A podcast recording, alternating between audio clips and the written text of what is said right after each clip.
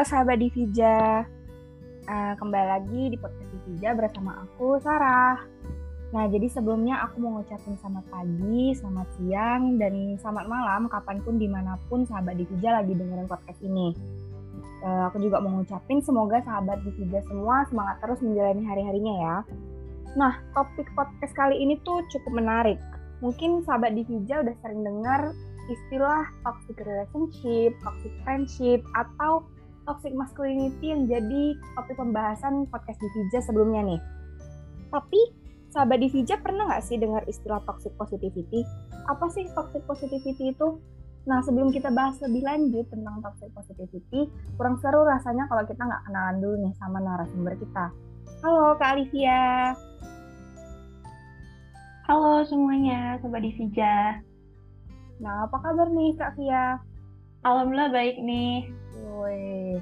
Nah kan ada pepatah tuh Kak Alivia yang bilang kalau tak kenal maka tak sayang. Jadi kenalan dulu boleh dong. Oke, jadi uh, sebelumnya kenalin, aku Alivia Ferasti, boleh dipanggil Alivia alias atau Via. Sekarang aku uh, berkuliah, ya aku masih kuliah hmm. di Universitas Sumatera Utara. Lebih tepatnya tuh program studi psikologi dan ini lagi OTW semester 4. Hmm. Oke, Kak Via. Selain kuliah, kira-kira kesibukan Kak Via apa aja nih? Uh, mungkin karena sekarang lagi libur semester ya, jadi mungkin mm. sekarang ini aku lagi sibuk rebahan atau nonton anime gitu. Tapi kalau di luar kuliah aku gitu, kalau misalnya lagi aktif kuliah, biasanya aku ikut kayak volunteer gitu, atau mungkin ada kegiatan kampus juga beberapa yang aku ikutin. Kayak misalnya uh, aku ada ikut kegiatan ini ya majalah kampus gitu kan. Hmm. Berarti Kak Afia ini di tengah gempuran tugas-tugas yang banyak tetap bisa produktif ya Kak? Insya Allah kuat kita ya. ini nggak apa-apa kan aku manggil yang Kak Fia? Nggak apa-apa, nggak apa-apa. Oke, nah jadi Kak Fia topik kali ini nih, topik pembahasan podcast kita ini mungkin sedikit, sedikit unik karena biasanya kan tuh toxic tuh disandingkan sama uh, istilah hubungan kayak hubungan pertemanan, hubungan keluarga atau hubungan sebuah pasangan gitu atau misalnya kayak istilah-istilah lain kayak masculinity atau femininity. Tapi kali ini uh, istilah toxic itu tadi disandingkan sama yang namanya positivity. Positivity atau kayak sesuatu hal yang positif. Itu kan sesuatu yang saling bertolak belakang nih Kak Fiat antara toxic dengan positivity itu sendiri. Jadi sebenarnya toxic positivity itu apa sih? Um, Oke, okay. jadi aku sendiri baru-baru ini juga ya mendengar istilah toxic positivity kayak hmm. ini banyak banget gak sih istilah-istilah yang sekarang lagi booming gitu kan kayak healing atau uh, kayak gini lah toxic positivity bukannya kayak toxic toxic gitu kan dan bener sih tadi aku sepemikiran kayak oh bisa sih toxic disandingkan sama sesuatu yang positif gitu kan hmm. nah jadi kalau dari yang aku pernah baca ya toxic positivity itu gini dia kan toxic sama positif tuh. Toxic itu racun kan? Kalau positif ya positif kan? Berarti hal-hal positif yang jadi racun ke diri kita gitu. Terus kok bisa sih gitu? Uh, hal-hal positif itu jadi racun. Uh, jadi kalau toxic positivity itu dia kita tuh biasanya cuman menerima hal-hal yang positif gitu dalam diri kita. Jadi positif doang. Kalau yang negatif tuh should go away gitu. Jadi hal-hal yang positif itu uh, doang yang ada dalam diri kita, yang negatif itu ditolak gitu kan. Nah jadi hal-hal positif tadi itu membuat kita nggak bisa untuk merasa negatif, padahal ya nggak apa-apa gitu untuk merasa negatif. Misalnya kayak uh, salah satu yang paling sering kita dengar itu kayak kata-kata jangan nangis mungkin ya. Padahal ya nggak apa-apa nangis nangis aja gitu kan. Atau mungkin eh, kata-kata jangan nyerah gitu. Ya nggak apa-apa padahal kita nyerah. Kadang-kadang itu ya wajar kalau misalnya kita lagi capek banget terus kita merasa pengen nyerah ya itu nggak apa-apa. Nah kenapa bisa jadi uh, racun ke diri kita? Karena yang positif tadi itu bikin kita merasa buruk kalau misalnya kita merasakan emosi-emosi yang negatif. Jadi kita merasa kalau kita sedih itu itu nggak boleh. Kalau kita nangis itu nggak boleh. Padahal itu wajar-wajar banget. Namanya kita juga manusia punya emosi ya kan? Dan semua emosi itu tuh wajar buat kita rasain tapi karena adanya toxic positivity bikin kita merasa kalau kita itu sedih itu suatu yang buruk gitu dan uh, gak wajar padahal sebenarnya normal-normal aja jadi kayak misalnya uh, orang-orang yang mengalami toxic positivity ini nggak mau memvalidasi uh, emosi negatif ya kak dalam yes. hal-hal yang terjadi ke diri? Benar padahal memvalidasi emosi itu uh, perlu loh. Karena kalau misalnya kita nggak bisa mengenali emosi apa yang lagi kita rasain kita jadi nggak bisa nentuin juga respon apa yang bisa kita lakuin terhadap emosi itu gitu. Jadi kayak banyakkan denialnya gitu nggak sih? Kalau misalnya uh, ngerasa sedih terus kita kayak ah aku nggak apa-apa aku nggak apa-apa aku nggak sedih kok. Padahal ya sedih sedih aja gitu kan. Dan juga kalau misalnya kita nggak bisa kasih respon yang tepat sama apa yang lagi kita rasain kadang masalah yang kita lagi hadapin tuh jadi sulit untuk dikelarin gitu. Ya nggak sih? Kayak misalnya kita lagi uh, capek gitu kan terus kita uh, apa ya suka kayak nampar-nampar pipi gitu kan terus oh. bilang nggak kok aku nggak capek aku nggak capek aku kuat aku tegar gitu kan. Padahal ya gak apa-apa istirahat aja dulu. Uh, kalau aku yang aku dengar dari investigasi yang aku tangkap ya berarti sebenarnya orang yang mengalami uh, banyak kan terpengaruh karena orang lain kan ya kayak misalnya dia ngeliat orang lain bisa akhirnya dia nge-push dirinya supaya dia tuh ah, aku bisa kok aku bisa padahal kalau dia nggak bisa juga nggak apa-apa ya kan Nah, bisa jadi. Karena memang yang banyak kasih toxic positivity itu dari orang ya, terkadang gitu. Misalnya kayak pas kita lagi curhat tuh kan, terus dibilang kayak, e, apa semangat kamu pasti bisa gitu. Jadi karena adanya kata-kata dari orang tadi itu bikin kita berpikiran kayak gitu. Atau mungkin uh, ada kayak pandangan aja gitu kalau misalnya being positive is always good gitu. Jadi kalau misalnya kita berpikiran positif itu bakal baik-baik aja terus-terusan. Itu juga bisa jadi kita sering nggak sadar ya kalau misalnya jadi temen curhat terus kayak pas dia lagi ngungkapin kesedihan jangan nangis jangan sedih. Iya bener banget. Ya kan kita tuh cara nggak sadar menjadi orang yang toxic positivity itu tadi karena kayak kita nggak membiarkan dia untuk merasakan emosi negatif kan iya bener tuh dan kita juga kayak apa ya sepertinya sih dari yang aku lihat gitu di sekeliling aku kita tuh kayak punya kebiasaan untuk ngasih motivasi sebagai solusi buat orang yang lagi punya masalah jadi ketika dia lagi sedih tuh langsung tuh keluar dari mulut kita kata-kata mutiara atau quote Mario Teguh Golden iya. Ways gitu kan. Padahal kalau misalnya dia lagi sedih ya kita perlu untuk memvalidasi aja emosi dia nggak usah kasih nasihat. Apalagi kalau dia nggak minta saran atau nasihat dari kita gitu ya kan. Jadinya niat kita yang awalnya mau memberi semangat buat dia itu malah jadi racun itu tadi malah jadi toksik ya kan? Kira-kira kan dia selain apa aja ya? Yang mungkin lah mempengaruhi kita untuk bisa jadi orang atau uh, menerima sikap kalau lingkungan memang pasti kerasa banget sih terutama kalau misalnya kita tuh sering untuk uh, curhat gitu kan ke orang. Terus kita curhatnya ke orang yang nggak tepat nih maka kemungkinan untuk mendapatkan toxic positivity itu akan uh, besar kejadiannya.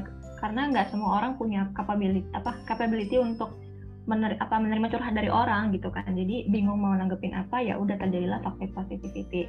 Atau mungkin kadang toxic positivity itu bisa juga datang dari diri kita sendiri gitu. Kayak kita melihat orang lain itu positif positif terus. Apalagi sekarang tuh ini ya sosial media itu sangat-sangat memengaruhi sendi-sendi kehidupan kita gitu kan. Dan kita tuh melihat orang iya bener jadi kita tuh melihat orang tuh positif positif doang karena kayak siapa sih yang ngepost hal-hal negatif dari hidup dia ke sosial media gitu kan?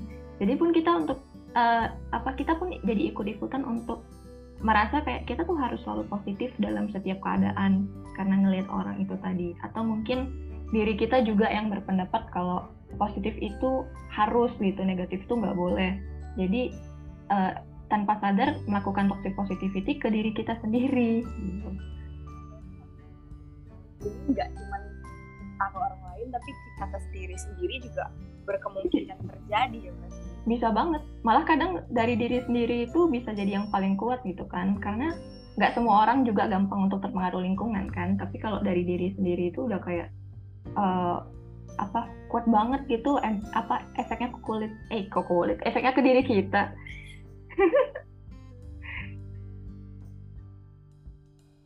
tapi kalau misalnya toxic positivity sudah terjadi kan itu kan dari luar kontrol apa sih dampak yang mungkin yang paling mungkin terlihat atau dampak yang paling ketika kita melakukan itu pada orang lain atau bahkan ke diri Kalau dampaknya sih yang tadi mungkin gak aku sebutin ya kita jadi susah untuk memvalidasi emosi karena kita banyakkan denial sama emosi-emosi yang kita rasain gitu. Misalnya kayak ngerasa hina banget gitu nangis gara-gara film misalnya kayak uh, ikan mas peliharaan kita mati gitu kan terus kita sedih. Terus kita jadi kayak apa sih gini doang sedih padahal ya nggak apa-apa nangis nangis aja. It's okay gitu. Terus mungkin yang berikutnya kita jadi sulit untuk ngelola emosi negatif itu tadi kan. Kayak kadang-kala tuh orang yang terbiasa positif sekali yang ngadepin hal yang negatif tuh jadi lebih sulit buat ngatasinnya karena dia terbiasa positif terus.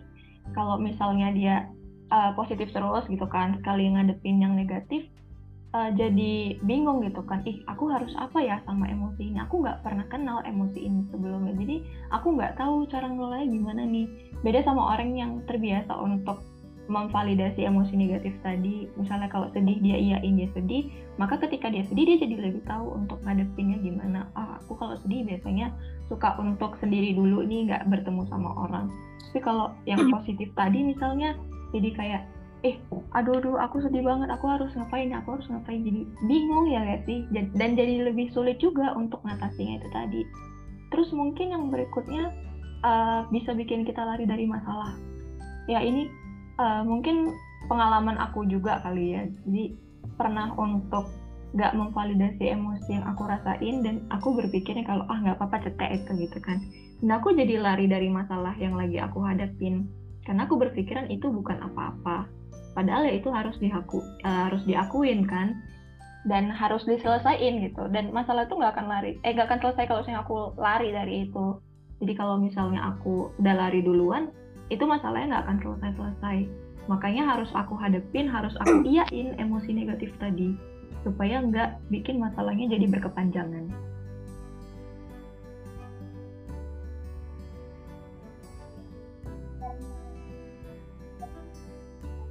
Aku pernah baca nih. Jadi katanya orang Asia itu termasuk yang uh, gengsian karena dia dididik untuk eh, nggak uh, sering nggak merasa apa nggak memvalidasi kayak kayak aku dia jadi malu kalau misalnya dia sedih dia nggak mau kalau sebenarnya kok bisa kita bilang kasihan gitu kan karena kayak uh, manusia itu memang diciptakan untuk punya emosi berbagai macam emosi tapi kita nggak boleh gitu karena tuntutan lingkungan atau tuntutan dari uh, secara nggak sadar dari didikan orang tua kita nggak sadar gitu kalau nangis. Karena aku pribadi juga ngerasain kayak uh, kita ini nggak pantas sedih sedih ini nggak pantas deh kalau misalnya aku marah. Padahal sebenarnya uh, pantas-pantas aja gitu loh kalau marah nggak masalah gitu. Kan itu emang emosi yang normal ya nggak sih? Iya bener banget. Normal banget itu malah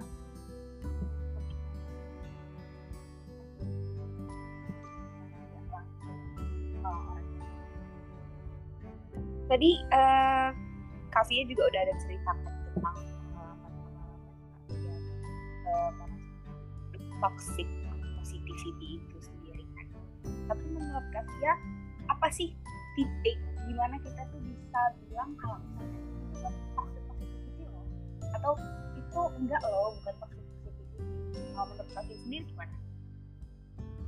Kalau sejujurnya aku sendiri kadang-kadang juga agak bingung gitu kan karena kayak tipis banget ya sih batasan antara sesuatu yang positif itu disebut toksik atau enggak. Kayak kadang aku ngerasa ini biasa aja tapi ternyata menurut orang itu toksik gitu atau uh, menurut orang uh, toksik menurut aku toksik gitu.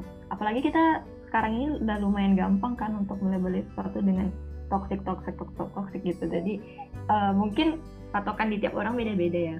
Tapi kalau di aku pribadi mungkin uh, ketika suatu hal itu disebut positif yang toksik itu misalnya kayak pertama ketika kita tuh nggak ngebiarin hal-hal negatif itu masuk ke kehidupan kita.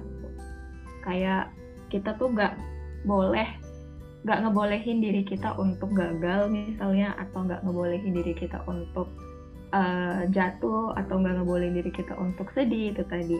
Padahal kita kadang kan perlu juga untuk menghadapi hal-hal negatif dan membiarkan itu tuh ada dalam hidup kita gitu. Pernah aku pernah baca gitu. Justru ketika kita lagi ada dalam suatu negatif uh, apa suatu situasi yang negatif dan kita respon sama emosi yang negatif juga itu ya normal gitu. Karena memang kayak gitu mekanisme untuk menghadapi situasi yang negatif itu tadi. Malah uh, kalau misalnya yang negatif direspon dengan positif itu yang kadang bisa nggak normal gitu. Tapi aku juga nggak tahu ya itu bener apa enggak cuman aku merasa iya juga gitu. Dan aku setuju terus yang berikutnya mungkin kalau uh, positivity itu tadi bikin suatu masalah itu jadi dianggap sepele. Kayak ah gitu doang gitu. Atau uh, itu uh, apa ya cetek gitu kan kacang hijau aja gitu. Nggak gak ini kali lah gak gak penting-penting kali gitu. Ya kan padahal masalah itu beda-beda ininya kan beda-beda uh, apa tingkatan kita untuk bisa menghadapinya. Mungkin yang kecil di kita belum tentu kecil juga di orang. Mungkin itu masalah terberat yang pernah dihadapin sejauh ini gitu. Dan dengan toxic positivity tadi kita jadi mengkerdilkan masalah yang lagi dia hadapin. Kita jadi menyepelekan menganggap remeh masalah itu tadi. Karena ada batasan-batasan yang beda setiap orangnya kita jadi kadang jadi sulit untuk ngerti perasaan orang lain dan orang lain hmm. itu juga kayak karena perbedaan yang batasan-batasan itu kita jadi ruang ekspresi kita tuh jadi lebih kecil gitu. Karena misalnya kayak kayak tadi yang kak bilang aku misalnya batasanku positif positif itu ketika orang udah memaksa aku untuk nggak merasakan sesuatu yang negatif tapi misalnya menurut kalian sendiri itu tuh belum disebut toxic positivity. Tapi karena munculnya istilah toxic dan perbedaan batasan tadi aku bisa bilang ih si Alvia ini ternyata toxic positivity loh guys. Kayak dia tuh nggak mau menerima perasaan negatif yang ada di dirinya menerima perasaan negatif yang ada di dirinya padahal sebenarnya itu bisa jadi hanya karena perbedaan batasan-batasan tadi yang menjadi persepsi masing-masing gitu kan. Karena dan ini nggak cuma toxic uh, positivity aja ya kalau aku perhatiin. Orang-orang zaman sekarang tuh semakin banyak berbagai macam istilah mereka tuh jadi kayak uh, setiap ada satu orang nih ber, uh, berpendapat kan tentang topik mereka netizen yang lain tuh bak pasti ada aja gitu loh yang dia kayak bilang ah ini orangnya toxic ini jadi orang iya, betul. ini ini nih dengan istilah berbagai macam istilah-istilah yang sangat tren zaman sekarang kesannya itu kan membuat um, kayak aduh aku harus makin, makin lama berpendapat tuh uh, hati diperhatikan semuanya. Terus kayak dicocokin sama satu istilah ini kira-kira kalau dimasuk istilah ini uh, menyinggung nggak ya? Atau uh, ke sini menyinggung nggak ya? Jadinya kayak malah membat bukan membatasi istilah tersebut tapi membatasi ruang ekspresi kita kan. Nah iya benar. Terus aku jadi keinget yang tadi Sarafina bilang ya tentang perbedaan budaya di barat sama orang Asia gitu ya kan dalam uh, mengikapi toxic positivity gitu. Mungkin uh, batasan toxic positivity itu juga bisa di lihat dari budaya nggak sih? Kayak mungkin kalau menurut orang barat tuh hal-hal kayak gitu dianggap toxic positivity padahal kalau di sini enggak gitu kan belum tentu. Kayak kalau orang Asia atau orang Timur itu kan cenderung ini ya kolektivis gitu. Jadi kita tuh cenderung untuk memperhatikan gimana perasaan orang lain juga. Jadi dalam berekspresi pun kita lihat-lihat gitu kan. Dan jadilah bikin kita jadi lebih sering untuk memendam uh, emosi-emosi yang kita rasain. Beda sama orang barat yang mungkin apalagi yang paham liberal gitu kan. Ini mungkin jadi agak dalam ya bahasannya. Yang paham liberal gitu mereka menjunjung tinggi kebebasan berekspresi. Jadi uh, mereka uh, lebih jarang untuk mengalami toxic positivity itu tadi jadi batasan-batasan itu uh, be bisa beda-beda banget sih di tiap orang kalau menurut aku ya Oke, kayak tadi kak bilang tuh kita pasti sering pasti pernah lah sekali dua kali lihat video yang kayak perbedaan antara tua barat dengan tua Asia. Nih ya benar. Jangan yang kayak anaknya tuh kalau yang di barat anaknya marah-marah sama orang tuanya, orang tuanya oke okay, oke okay, nggak apa-apa, mama yang salah. Jadi kayak mereka tuh dikasih kesempatan untuk uh, orang tua tuh bisa loh salah. Kayak kita tuh bisa loh merasakan marah sama orang tua sedih sama orang tua. Sedangkan begitu lihat perbedaan dengan orang Asia nih orang tua salah tetap aja anaknya nggak boleh marah. Anaknya nggak boleh ini itu juga kan jadi buat iya. kita bisa jadi orang Asia itu toxic positifnya lebih tinggi daripada orang Barat. Karena kan kayak ah gue nggak boleh sedih gitu gitu karena kayak itulah tadi kita udah bahas kan tentang yang mempengaruhi kayak bisa jadi parenting itu mempengaruhi juga kan gimana kita bersikap atas si toxic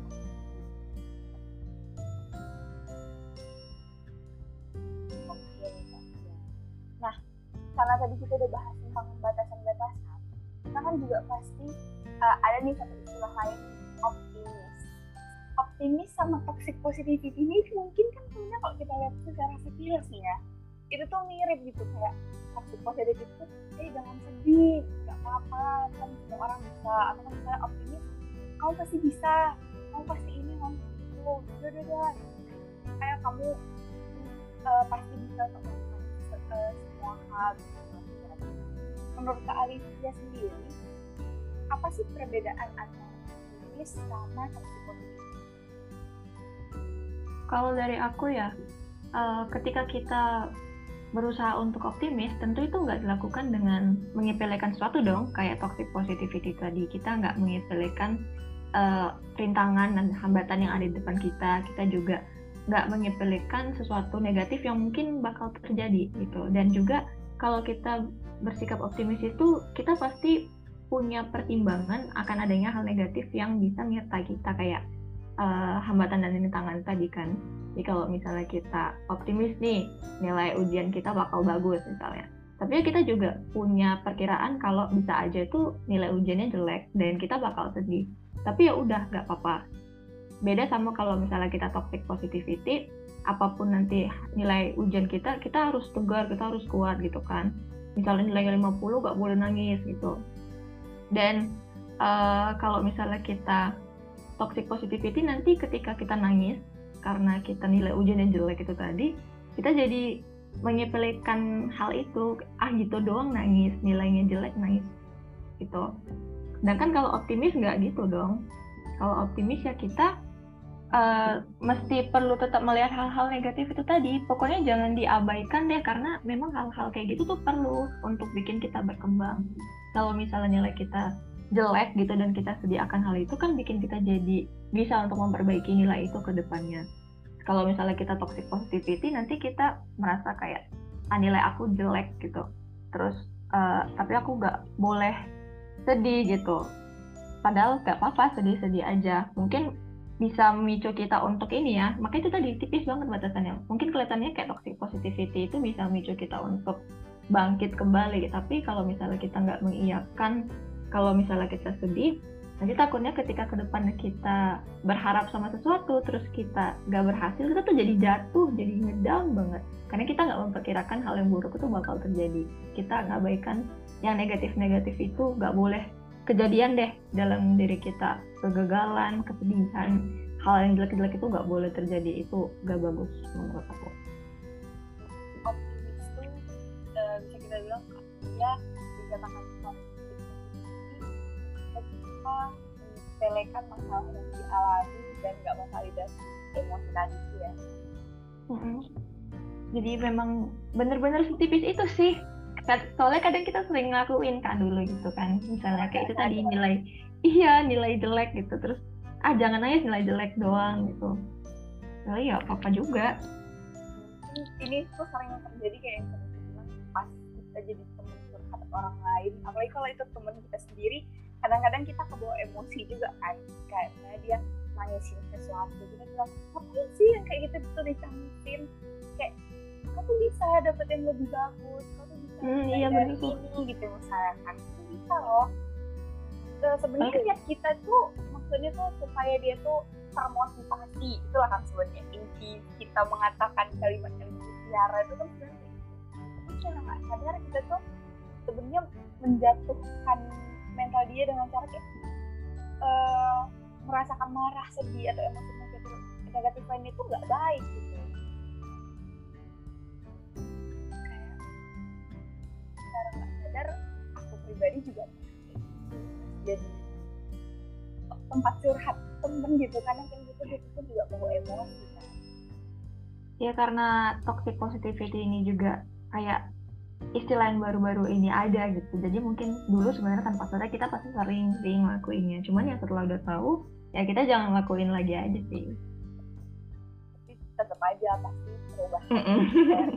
Ya itu itu sulit. Itu memang sulit. Karena ya makanya ketika kita misalnya ngadepin orang curhat ya kita beneran harus taruh posisi sudut pandang kita tuh di dia. Jadi kita tuh bisa ngerti segala macam perasaan dia gitu. Kalau misalnya kita masih memakai sudut pandang kita ya kita nggak akan ngerti dan ya udah keluarlah kata-kata toxic positivity tadi kayak jangan nyerah gitu. Terus misalnya kayak kalau dia lagi sedih gitu kan mungkin uh, apa ya orang yang tersayang dia tuh pergi gitu. Terus kita nggak paham nih di posisi dia di mana mungkin orang yang dia sayang itu bener-bener uh, seseorang yang berharga banget di hidup dia. Terus kita dengan gampangnya bilang kayak move on atau mungkin bilang semangat nanti ada yang baru atau mungkin kayak uh, kematian itu hal yang biasa gitu kan ya bakal makin menyakiti dia gitu. Karena kita nggak menaruh sudut pandang kita di dia. Coba kalau misalnya kita jadi orang yang ditinggal itu tadi apa nggak sedih banget dan kata-kata positif apa pun nggak masuk ya kan? Terus kita juga kan setelah kita tuh kita eh, nggak uh, sadar kita ngikutin tapi ketika orang kita kita uh, bersikap kayak kamu mau kayak gitu sih sama aku? Kenapa aku gak boleh sedih? Padahal secara dasarnya kita juga gitu kan sama orang. Nah iya. Itu berarti dan naluriah gitu. Berarti kitanya selama ini kalau di posisi pendengar tuh belum cukup kayak gitu. Belum cukup untuk bisa mendengarkan dan berempati sama orang yang curhat ke kita. Dan ketika di balik posisinya baru kerasa kan oh gini ya. ternyata rasanya toh gitu. jadi senar jadi sering banget tuh kayak kalau misalnya kita tuh sebenarnya kayak gitu sama orang lain. Sadar tapi begitu padahal sebenarnya kita bisa jadi seperti itu atau bahkan lebih parah ke dia waktu dia mengalami hal yang sama. Makanya mungkin ada istilah um, kita nggak akan bisa ngerasain uh, ngerti sesuatu ketika kita belum ngerasain itu sendiri gitu. Hmm. kayak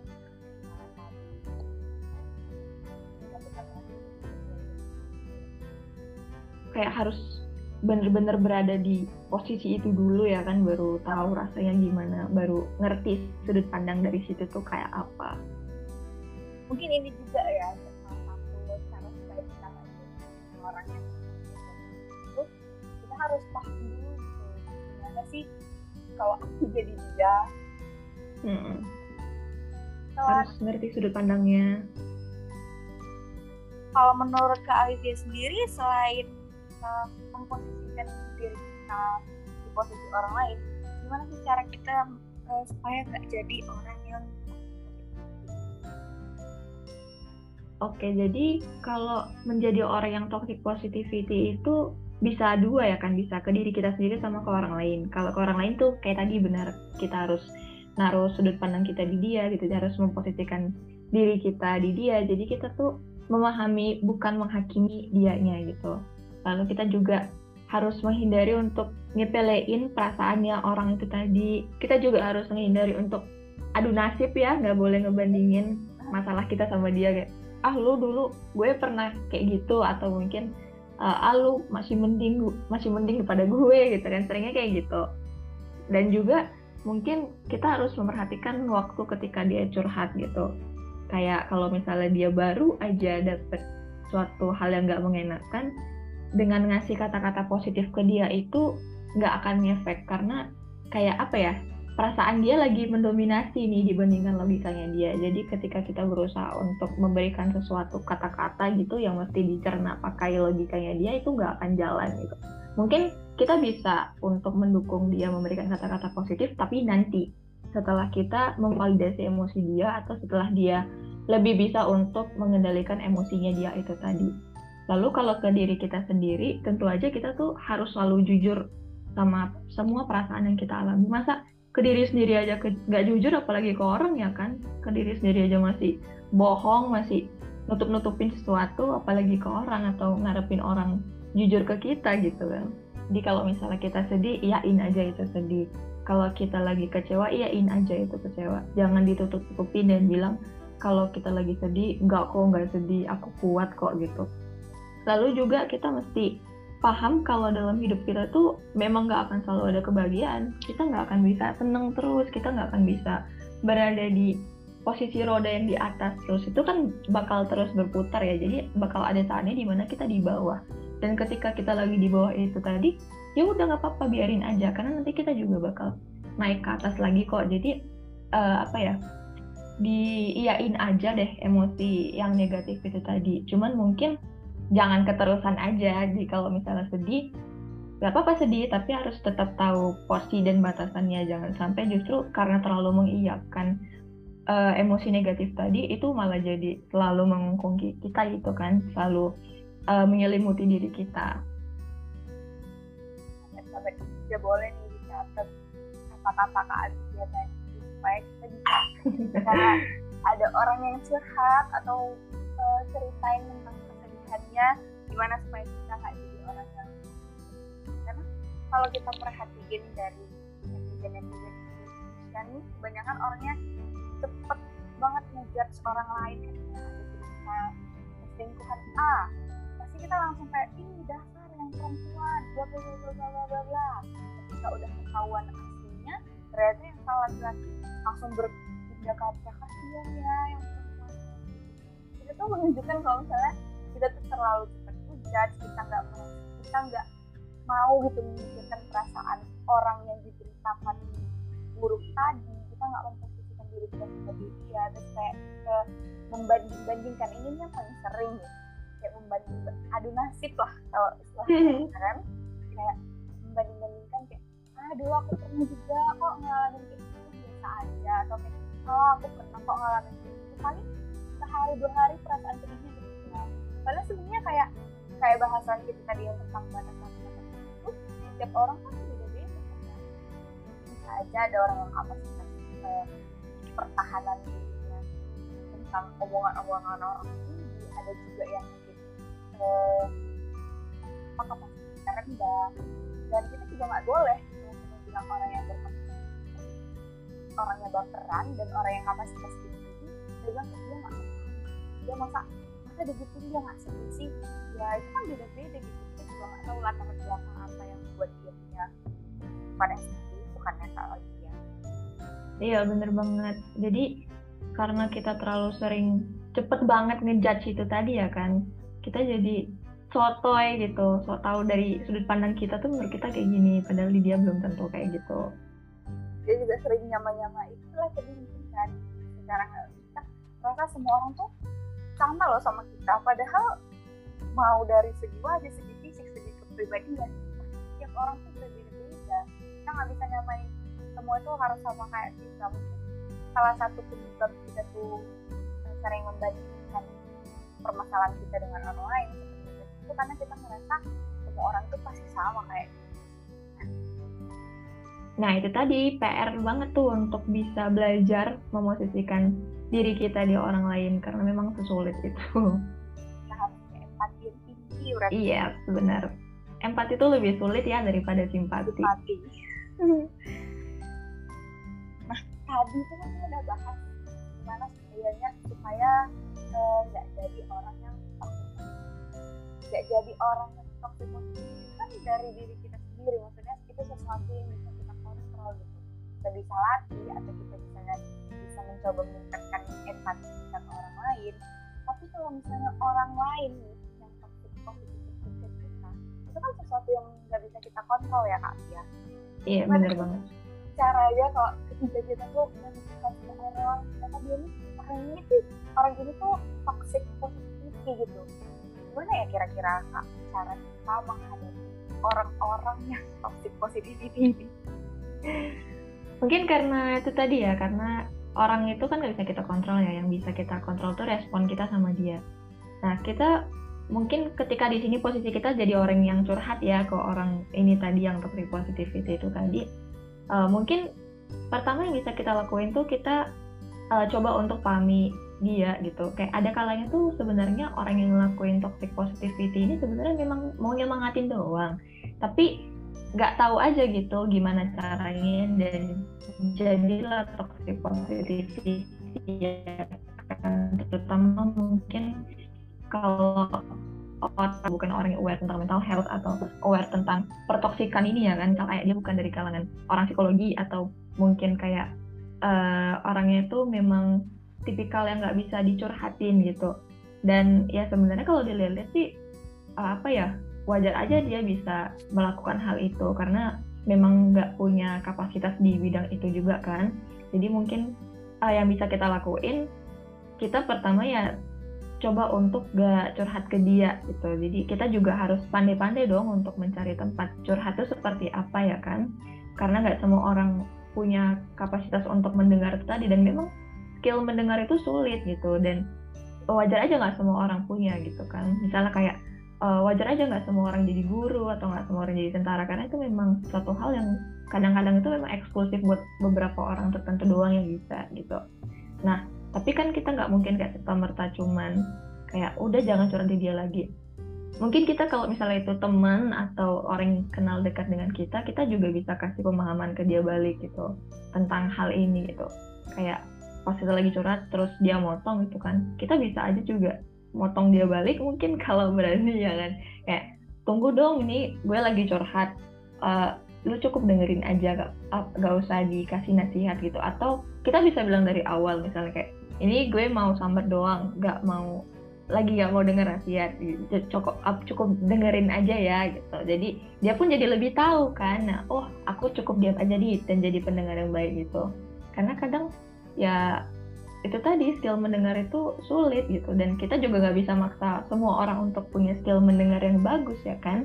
Jadi kita bisa untuk kasih tahu aja kebutuhan kita tuh apa dengan curhat ke dia uh, dan kita juga jangan ikut toksik ya dengan ngatain dia toksik lo gitu. Ketika dia bilang iya. Ketika misalnya dia nimbrung gitu dengan bilang jangan nyerah atau jangan nangis gitu. Terus kita langsung serta merta apa sih lu toksik ini kitanya juga yang jadi toksik ya kan? Segampang itu untuk melabeli seorang dengan toxic. Itu tadi kalau konteks curhat ya kan? Nah mungkin kalau konteksnya nggak curhat gitu ketika misalnya mendapatkan orang yang seperti itu ya kita juga harus memberikan pemahaman ke dia gitu. Misalnya kayak yang sering kan di ini ya di sosial media tuh banyak banget konten-konten kayak psikoedukasi gitu. Misalnya tentang hal-hal kayak gini yang disebut toxic positivity hal kayak gini enggak. Aku juga awalnya tahu dari situ gitu kan. Jadi oh gak boleh ya ternyata ngucapin hal semacam ini. Dan aku juga berpikir iya juga. Dan seterusnya kan jadi nggak melakukan hal itu lagi gitu.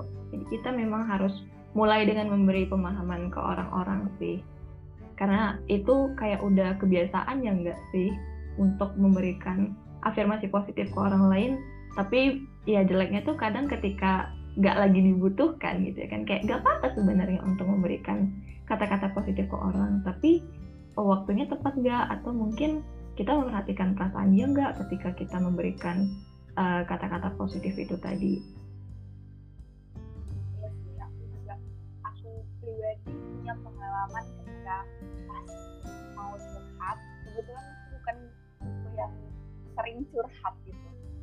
Tapi hmm. ketika uh, suatu kali uh, ini tuh kayaknya ini nggak bisa nih kalau nggak curhatin, itulah istilahnya.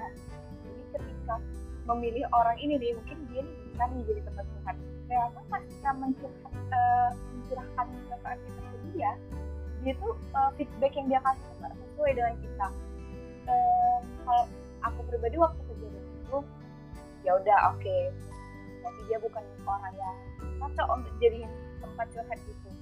Ya uh, yang aku lakukan adalah aku nggak curhat lagi sama dia tapi bukan berarti aku menjauhi dia gitu loh. Dan iya, aku juga, jauhin ya dan aku juga nggak maksudnya menyebar ke orang lain itu bukan nah, oh dia suka jangan curhat sama dia atau jangan cerita cerita lah sama dia dia suka ngebanding bandingin diri sama masalah kita. Itu kan jadinya malah kita jadinya yang toksik kan kayak yang iya. Alivia tadi nah masalahnya kadang-kadang kita nggak sadar kita juga kayak gitu dia. Kayak yang tadi yang toksik itu mungkin kita bisa jadi nggak sadar kan. Kita nggak uh, secara nggak sadar kita menjauhi dia gitu. Padahal sebenarnya mungkin itu sesuatu yang nggak perlu. Apalagi kalau misalnya itu notabene teman dekat kita kan. Nah jadi kalau misalnya teman dekat kita kan seharusnya kita tuh malah ngasih tahu dia loh kayak eh, kamu nggak boleh loh. Itu nggak baik kamu orang kamu jangan gini. Gini kalau Kak Alicia sendiri pernah nggak sih punya pengalaman curhat dengan orang yang ternyata itu toxic positivity kalau aku pribadi dulu seringnya curhat ke orang ya. Kalau sekarang justru lebih sering curhatin gitu. Jadi dulu kalau misalnya aku curhat ke orang aku tuh tipikal yang cuman pengen cerita aja cuman pengen keluarin oh, iya. keluh kesah aja gitu. Jadi biasanya aku dari awal udah bilang gitu ini aku cuman mau sambat doang. Hmm. aku cuman mau misu-misu. Diem aja ya lu gitu kan. Jangan jangan ditolak gitu kan. Ya udah dengan aku kasih uh, apa ya kayak macam disclaimer gitu dari awal mungkin temen aku tuh jadi lebih bisa ngikapin aku kayak mana kan dan jadinya lebih less toxic positivity itu tadi gitu. Karena mungkin ya temen aku misalnya kayak bukan dari kalangan orang psikologi gitu kan ya mungkin respon dia juga terbatas. Dan ya aku paham akan hal itu jadi ya aku kasih tahu aja kebutuhan aku tuh apa. Tapi memang nggak nggak sedikit juga sih pernah kayak ini lagi capek-capeknya terus orang bilang kayak jangan nyerah gitu kan kayak ini aku lagi mau nyerah. Dan dengan iya. kata-kata jangan nyerah itu kadang nggak bikin aku jadi nggak mau nyerah juga. Cuman ketika apa ya pernah juga di posisi ketika aku lagi uh, moodku mungkin lagi baik atau aku mungkin udah sedikit berdamai dengan masalah aku terus dikasih kata-kata penyemangat itu justru jadi heartwarming banget. Jadi jadi ngefek di aku. Karena waktunya itu tepat. Teman aku tuh ngasih kata-kata positif ke aku itu di saat yang tepat. Di saat aku tuh nggak lagi bener-bener negatif banget gitu. Jadi kata-kata positif dari dia tuh masuk ke aku. Jadi bisa digarisbawahi juga nih ya sahabat-sahabat ya kata-kata motivasi atau kata-kata positif itu bisa berimpact kalau kita bilang di saat yang tepat kan karena kita di Kak Alicia bilang ketika kita aduh aku tuh lagi pengen nyerah jangan dimotivasi loh. Kayak terus dengerin aja. Atau mungkin ini juga bisa jadi tips sahabat-sahabat juga yang misalnya sadar kalau misalnya dia kalau kamu tuh bukan orang yang benar mungkin sebelum temen kamu curhat atau cerita tanya aja dulu kamu ini mau aku kasih feedback atau kamu cuma pengen aku dengerin?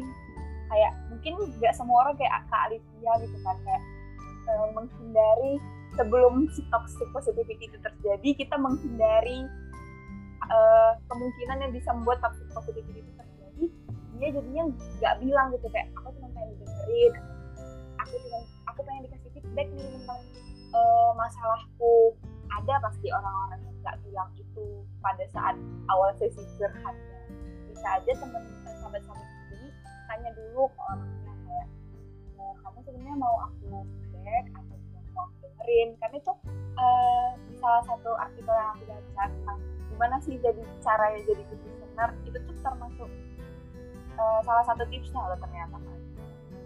Kita tuh nanya dulu gitu sama orang lain uh, kamu tuh mau aku dengerin dan itu pernah terjadi sebenarnya ke aku sendiri kayak pas aku mau curhat teman curhatku tuh nanya gitu ke aku kamu tuh mau dikasih feedback apa? Kamu mau didengerin? Dan ternyata itu lumayan seneng gitu dia nanya kayak gitu karena dia tuh uh, berarti mau mencoba untuk mempersiapkan diri dia tuh harus respon apa? Jadi nggak ada apa ya kesalahpahaman gitu kan antara yeah, yang curhat nah. dengan yang dicurhatin gitu. Misalnya uh, kita merasa respon teman kita tuh nggak bagus padahal cuma masalah dia tuh nggak tahu aja sebenarnya mau ngerespon hmm. apa. Dan ya nggak apa-apa juga sih sebenarnya. Kita aja yang mesti tahu gitu kan. Kita yang punya kebutuhan misalnya kita yang punya kebutuhan buat curhat ke dia ya kita juga harus jelasin kita butuhnya kayak apa. Karena kan gitu, kalau kita nggak bilang ke orang orang itu juga akan tahu perasaan kita. Nggak semua orang itu loh punya latar belakang psikologi yang misalnya bisa uh, melihat perasaan kita bisa ini ada pasti gitu ya nggak nggak mesti latar belakang psikologi sih sebenarnya. Nggak semua orang itu tadi balik lagi kayak punya empati kita tuh ada beberapa orang yang kita tuh harus bilang kayak aku tuh gitu aku lagi gitu kayak kepekaannya uh, mungkin lebih rendah dibanding yang lain jadi kalau bisa kita tuh selalu benar-benar jadi kalau misalnya kita mau uh, dimengerti kita harus mencoba untuk mengerti orang lain terlebih dulu juga ya nggak sih? Enggak, iya udah nggak kerasa setengah jam kita positivity. Kira-kira Kak Alfi ini punya pesan kan nggak untuk sahabat-sahabat kita yang lagi uh, aku suka sama kalimat ini meskipun aku nggak nonton drakor ya tapi mungkin kayak ini drakornya terkenal sih pasti. It's okay to not be okay. Aku nggak nonton drakor tapi aku suka banget sama kalimat ini. Karena benar tuh gak apa-apa banget untuk kadang-kadang tuh kita merasa kenapa-napa gitu. Jangan merasa nggak apa-apa padahal kenapa-napa nah lo ya kan? Jadi nggak uh, apa-apa banget kalau misalnya kita merasakan uh, emosi yang negatif itu tadi gitu karena memiliki perasaan negatif itu nggak serta-merta bikin kita jadi orang yang negatif juga kok. Kalau misalnya kamu itu orangnya apa ya lagi mengalami perasaan negatif nggak serta-merta bikin kamu tuh jadi bad person gitu kan? Ya, benar. Karena cuman karena emosi kamu tuh ya sebatas emosi nggak yang mewakili diri kamu secara keseluruhan juga gitu. Cuman memang harus tahu aja cara ngontrol entar gimana. Jangan keterusan untuk mengiyain dan memvalidasi perasaan negatif tadi jadi negatif terus yang ada dalam diri kita. Pokoknya kayak positif dan negatif itu beneran harus balance sih. Kalau yang terlalu itu nggak bagus juga kan, mau itu terlalu positif atau terlalu negatif. Jadi kalau kita sudah berhasil untuk menyeimbangkan keduanya ini, maka akan lebih apa ya lancar deh apa-apanya. Kalau misalnya kita menghadapi emosi-emosi tadi bakal lebih ngerti cara ngelolanya kayak apa.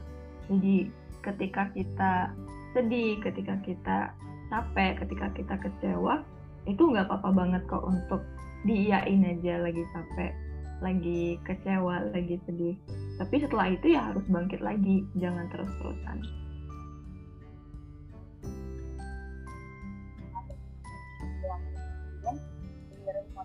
dari awal tersadar kalau misalnya pernah atau ternyata sampai sekarang mungkin masih juga jangan jadi um, kayak ternyata aku tuh orang terus kalian nggak mau merubah dan meningkatkan diri kalian untuk merubah itu juga nggak boleh ya teman-teman.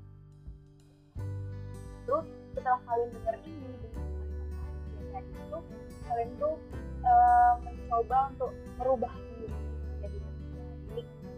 bukan malah kayak uh, bersedih-sedih terus. Ah ini hati-hati nih kalimat-kalimat yang bisa jadi toxic positivity nih dari kalian bisa kayak eh, nggak uh, apa-apa kalau kita toxic positivity dan kalian sadar itu bagus loh kalau misalnya menurutku kita tuh sadar kalau kita tuh toxic positivity berarti kita masih punya kesadaran nih. Masih punya kesadaran. aware di awal-awal tuh lebih hmm, bagus. Iya bener. Apalagi kalau kita mencoba untuk berubah nggak jadi kayak gitu. Nggak cuma diem aja gitu setelah udah sadar kita punya sifat yang seperti A dan terhadap sifat A itu jadi cuma diem aja dan nggak mencoba berubah itu menurutku uh, itulah ketika itulah kita menjadi sesuatu yang kurang baik. Terima kasih banyak loh Kak Alivia udah mau uh, berkenan menjadi narasumber di podcast ini ya. Siap sama-sama. Ilmu banyak ya Kak Pia. Ya, Makasih kembali jumpa. juga. Sampai jumpa lagi. Sampai jumpa. Thank you